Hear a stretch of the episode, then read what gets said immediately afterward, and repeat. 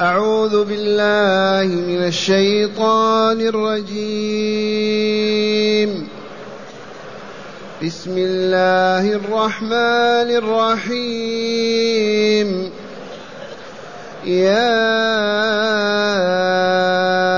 أيها المزمل قم الليل إلا قليلاً.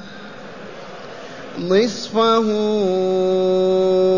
أو انقص منه قليلا أو زد عليه ورتل القرآن ترتيلا إنا سنلقي عليك قولا ثقيلا إن ناشئة الليل هي أشد وطئا وأقوم قيلا.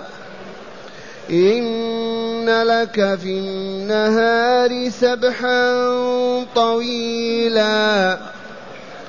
واذكر اسم ربك وتبتل إليه تبتيلا. رب المشرق والمغرب لا إله إلا هو فاتخذه وكيلا. أحسنت.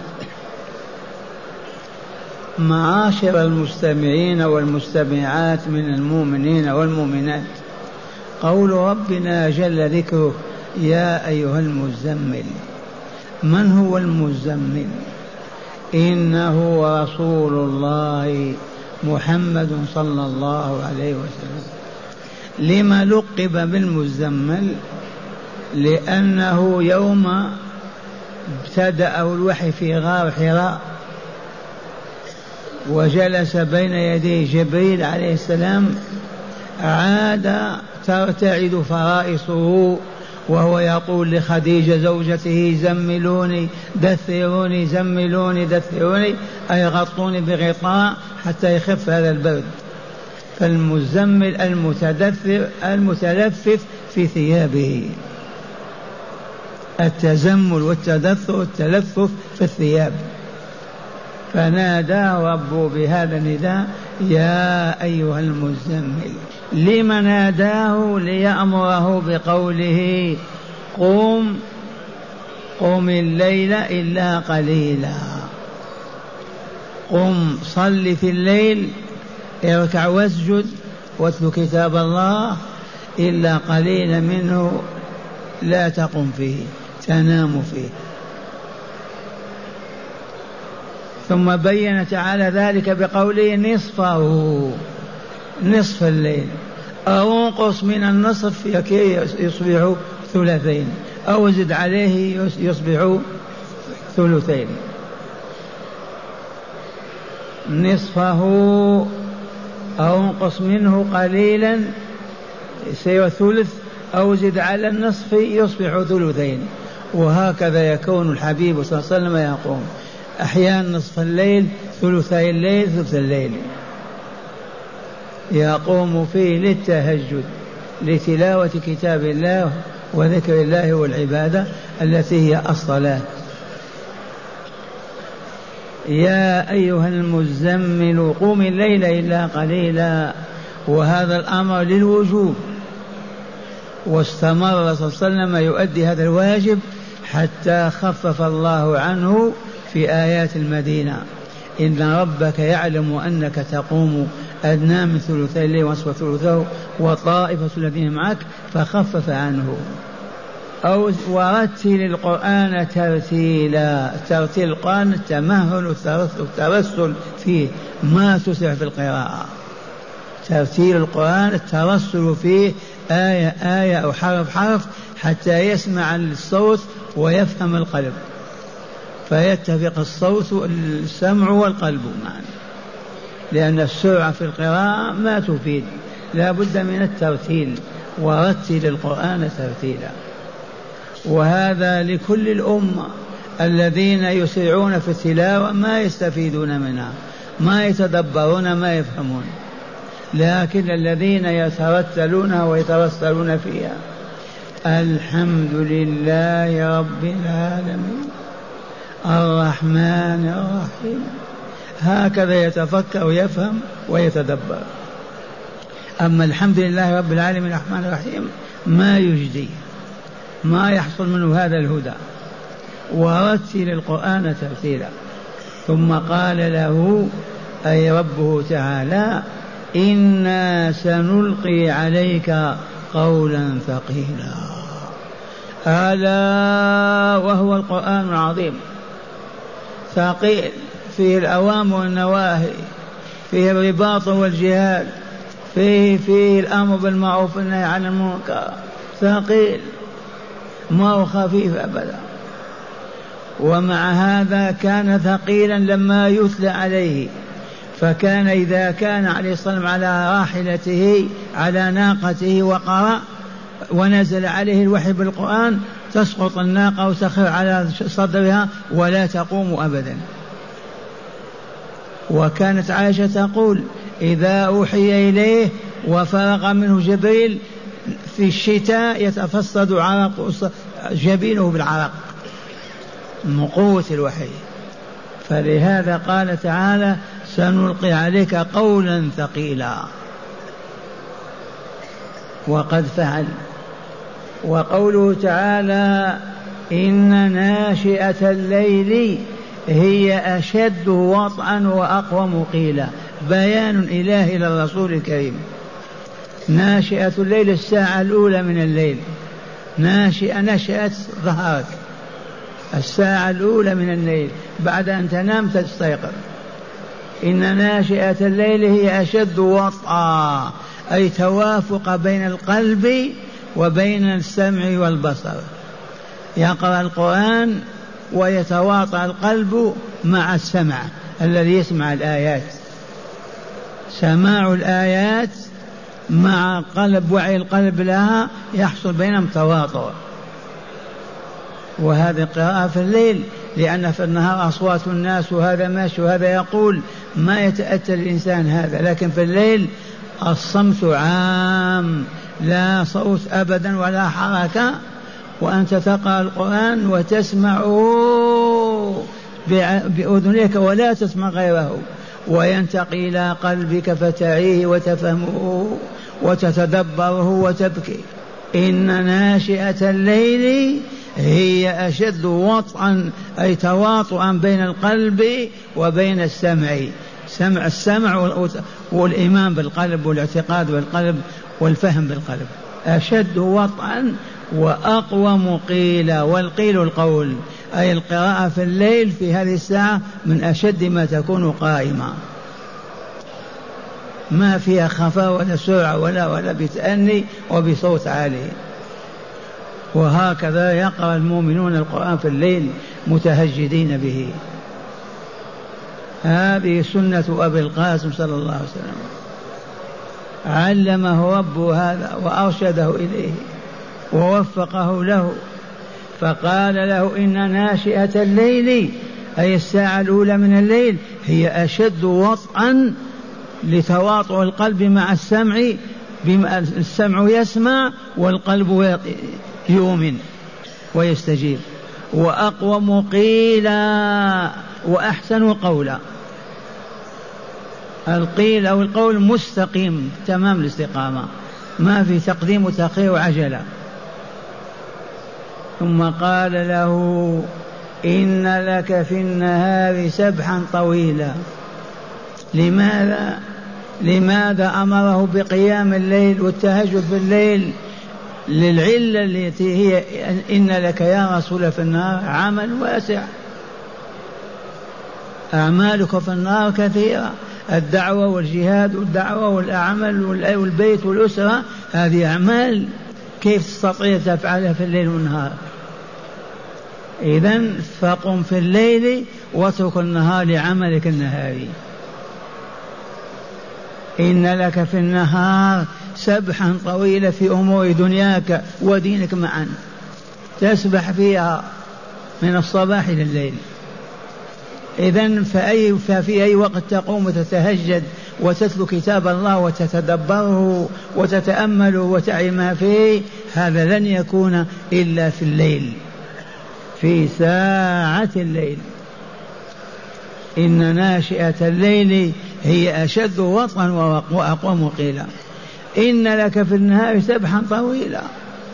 في النهار له أعمال وإلا له أسرة له دعوة له جهاد له كذا. ما يستطيع. في الليل متفرغ. ما في عمل. ونحن الآن سلبتنا هذا هذه الكهرباء والعياذ بالله. من يوم ما ظهرت انقلب الليل نهارا فأصبح الناس يهرفون ويعبثون في الليل أكثر من النهار. لو كان إذا دقت الساعة السادسة أغلقت الكهرباء لتاب الناس ورجعوا إلى بيوتهم وعبدوا الله. لا يسمحون لهم إلى صلاة العشاء فقط. انتهى صلاة العشاء تطفى نهائيا. والله لكان خيرا وأبرك من هذا. فالآن العبث كله في الليل. النساء والرجال والأطفال سببه ماذا؟ النهار الكهرباء. أصبح الليل كالنهار. إن لك في النهار سبحا طويلا. إذا فقم الليل. إما نصفه إما ثلثيه إما ثلثه في حدود ما تستطيع. لماذا؟ لأن في النهار مشغول بأعمال الدنيا ودعوتك وكل أعمالك الصالحة. مشغول بها. ما تستطيع أن تتهجد في النهار. ثم قال له واذكر اسم ربك بك واذكر اسم ربك وتبتل إليه تبتيلا. واذكر اسم ربك. والذكر لا يفارق رسول الله صلى الله عليه وسلم بلسانه اذكر ربك في كل الأحايين وكل الأوقات لا يفطر لسان رسول من ذكر الله. وهذا واجبنا نحن دائما نذكر الله. ما نترك ذكر الله أبدا. واذكر ربك. نذكره نذكر عظمته جلاله كماله إنعامه إحسانه إلينا. نذكر ما هو عز وجل من الجلال والكمال. فنقول سبحان الله والحمد لله. لا إله إلا الله الله أكبر. لا إله إلا الله وحده لا شريك له. له الملك الحمد وعلى كل شيء قدير. وردت الاذكار عن رسول الله صلى الله عليه وسلم عشرات فلا تفارق هذه الأذكار ألسنة المؤمنين والمؤمنات. وهذا رسول الله يؤمر بذلك. واذكر اسم ربك. وتبتل إليه تبتيلا أي انقطع إلى ربك. انقطاع كامل. لا تلتفت إلى غير الله. لا تنظر غير الله. انقطع إلى الله وتبتل إليه تبتيلا. لماذا؟ لأنه رب المشرق والمغرب. رب المشرقين والمغربين رب المشارق والمغرب كل الكون هو مالكه. تطلب من أين تطلب؟ لا تطلب إلا منه. الذي يملك كل شيء هو الذي تمد يديك إليه وتسأله. والذي لا يملك شيئا كيف تطلبه؟ كيف يعطيك؟ إذا رب المشرق والمغرب لا إله إلا هو. اسمعوا هذا البيان. لا إله إلا الله. لا يوجد إله يستحق أن يؤله أي أن يعبد بدعائه والاستغاثة به أو الذبح والنذر له أو الخوف منه أو الحب فيه. لا يوجد إله والله إلا الله. إذ كل هذه المخلوقات مخلوقة مربوبة والله خالقها ومالكها. وتموت وتفنى ويبعثها مرة أخرى ليحاسبها ويجزيها على عملها في دار العمل هذه. فكيف يوجد إله مع الله؟ ومع هذا يعبدون عيسى يعبدون أمه يعبدون العزير. كان المشركون من العرب يعبدون اللات العزى منات هبل. وهكذا وجهالنا لما هبطنا من سماء العلا عبدوا الأولياء والقبور حلفوا بهم ذبحوا لهم نذروا لهم توعدوهم وهكذا كعبادة لآلهة غير الله. سبب ذلك الجهل. وما زال الجهل في المسلمين. نعم خف خف بعض الشيء. بهذه الوسائط العجيبة كالإذاعة والصحف وما إلى ذلك والمدارس ولكن ما زال إخوانكم في الشرق والغرب يعبدون أصحاب القبور أولياء الله يحلفون بهم يذبحون لهم ينذرون النذور لهم يعكفون على قبورهم يرحلون من ملدنا بلد للوقوف على قبورهم وزيارتهم. والرسول يقول لا تشد الرحال إلا إلى ثلاثة مساجد. وهذا يرحل من المدينة إلى بغداد لعبد القادر الجيلاني. والعياذ بالله. واذكر اسم ربك فلنذكر اسم ربنا يا عباد الله. سبحان الله وبحمده. سبحان الله العظيم. سبحان الله والحمد لله ولا إله إلا الله والله أكبر. ما ننسى ذكر الله. اذكر اسم ربك. وتبتل إليه تبتيلا انقطع إلى ربك انقطاعا كاملا. لا تخف غيره لا تحب غيره لا توالي غيره لا تعبد غيره لا إله إلا هو. رب المشرق والمغرب. مطلع الشمس كمغربها من المالك لهذا الكون؟ الله. فيه من يملك هذا مع الله والله لا أحد. لا إله إلا هو. لا إله يستحق أن يعبد إلا الله. فلا تعبدوا عباد الله إلا الله. فإنه لا يوجد إله يعبد معه أبدا. ثم قال لرسول صلى الله عليه وسلم فاتخذه وكيلا. فوض أمرك إلى الله ووكله في كل حياتك وشؤونك وهو يتولاك. ومن يتوكل على الله فهو حسبه. هكذا يقول تعالى. فوض أمرك إلى الله واعتمد عليه وتوكل عليه والله والله لا يحمينك ويحفظنك ويقيمنك وينصرنك. والله يرشد رسوله إلى هذا. يقول ماذا؟ فاتخذه وكيلا. اتخذ ربك وكيلا. وكل أمرك إليه. ما هو إلى وكيل جاهل من العمال.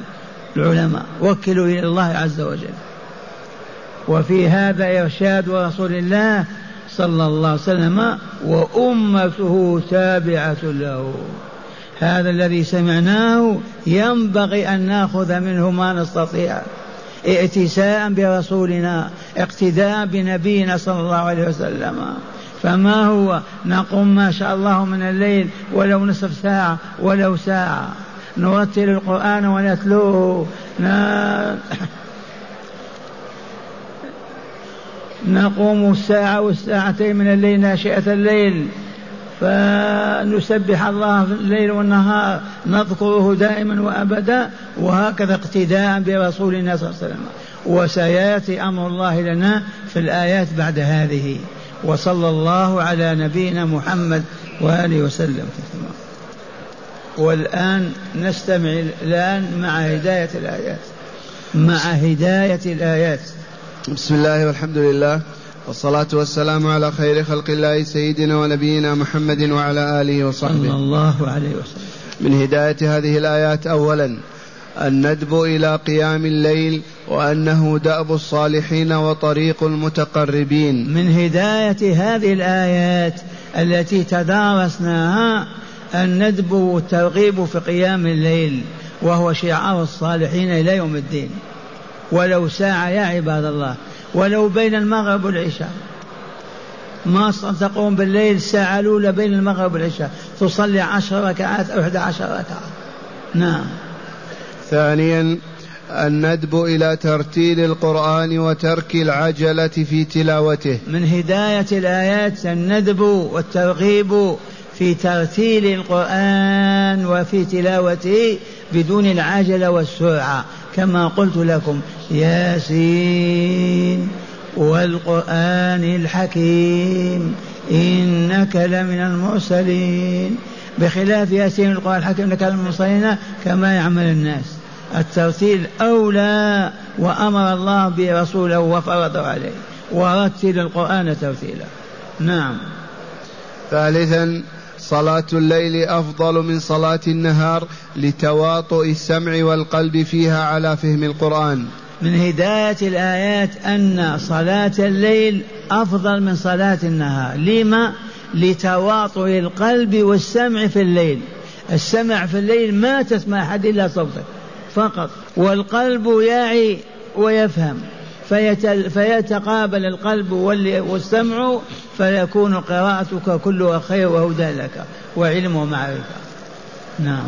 وأخيرا الندب إلى ذكر الله تعالى بأي وجه من صلاة وتسبيح وطلب علم ودعاء وغير ذلك. من هداية الآيات الدعوة إلى ذكر الله بالقلب واللسان وذكر الله له صور عديدة واردة عن رسول الله صلى الله عليه وسلم أعظمها أربع كلمات. سبحان الله والحمد لله لا إله إلا الله والله أكبر.